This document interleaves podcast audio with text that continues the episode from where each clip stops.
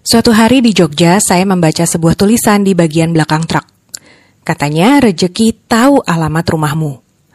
Begitulah cara kerja semesta. Kita semua sudah punya jatah rejeki, dan dia tidak pernah salah alamat. Meski begitu, rejeki tidak pernah diberikan langsung seabrek. Semua dicicil sesuai dengan kebutuhan dan kelayakan kita. Tugas Tuhan adalah mengamini, tetapi bukan doa yang diaminkan, melainkan apa adanya diri kita, energi kita. Jadi, semua tergantung pola pikir kita. Jika kita selalu merasa kekurangan, semesta mengamini dan terus membuat kita serba kekurangan.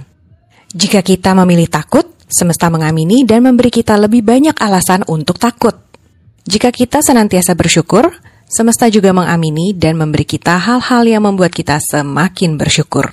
Nah, kamu mau diaminkan seperti apa oleh semesta? Yuk, sadar yuk!